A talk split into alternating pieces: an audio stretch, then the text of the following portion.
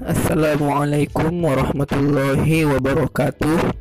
Kembali lagi di podcast saya Podcast Ahmad Zaki Ramadan. Saya seorang logo and brand designer.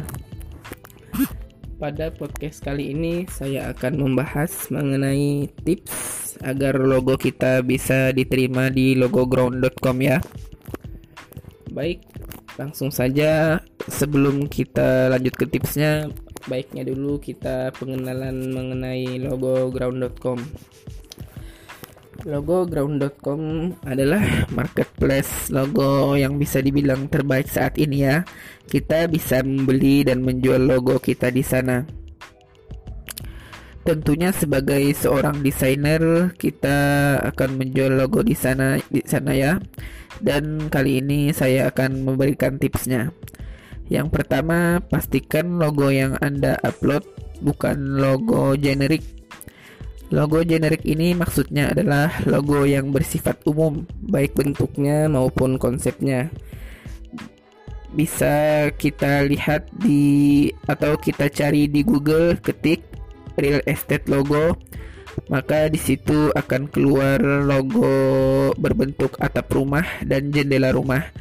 Nah, itu adalah contoh logo generik sudah umum ya atau bisa dibilang logo pasaran.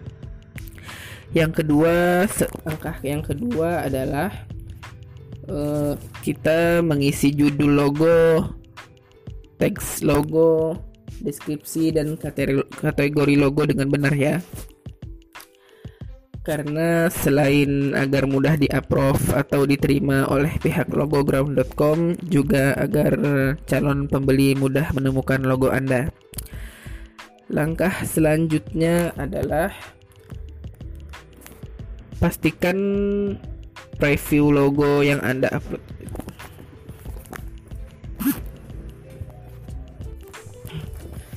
Langkah selanjutnya adalah pastikan preview logo yang Anda upload itu berukuran 600 x 400 pixel. Jangan kurang dan jangan lebih. Ini preview ini bisa dibilang uh, penampakan logo dari kita ya. Kemudian langkah selanjutnya adalah uh, kita mengupload file EPS atau SVG kita dalam kasus ini saya mengupload file PS ya. Uh, pastikan logo yang Anda upload ini bersih hanya logonya saja. Tidak ada elemen lain. Seandainya ada font, silahkan convert font tersebut ke curve atau outlines ya. Convert to curves itu kalau kasusnya di Corel, saya menggunakan Corel kalau convert to outlines itu di Adobe Illustrator. Dan teks pada logo itu dan seandainya kita menaruh teks teks pada logo itu hanya dibolehkan yang bersifat umum. Misalkan teksnya brand di bawahnya tagline here tidak boleh langsung kita spesifik. Misalnya dalam kasus ini saya mengupload logo berbentuk hati ya saya tulis heart di bawah logo itu. Nah itu tidak boleh karena sudah spesifik. Dan file yang diupload tidak boleh lebih dari 2 MB ya.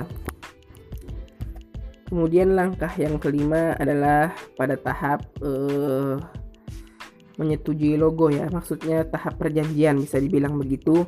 Ini adalah step terakhir. Kita disuruh menyetujui logo bahwa logo kita itu memang benar-benar milik kita dan original serta tidak pernah dijual pada situs lain.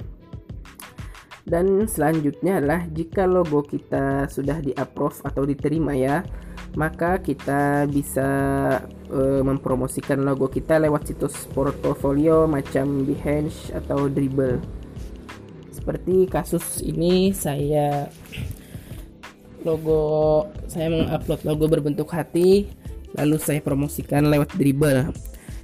Tulis aja di deskripsi pada dribble postingan dribble anda this logo for sale. Logo ini dijual dan uh, cantumkan link logoground.com pada postingan dribble tadi.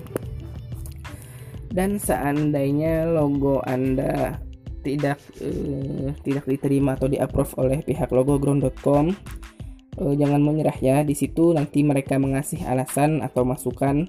Ikuti saja alasan dan masukannya. Insya Allah berhasil nanti untuk mengupload. Oke baik.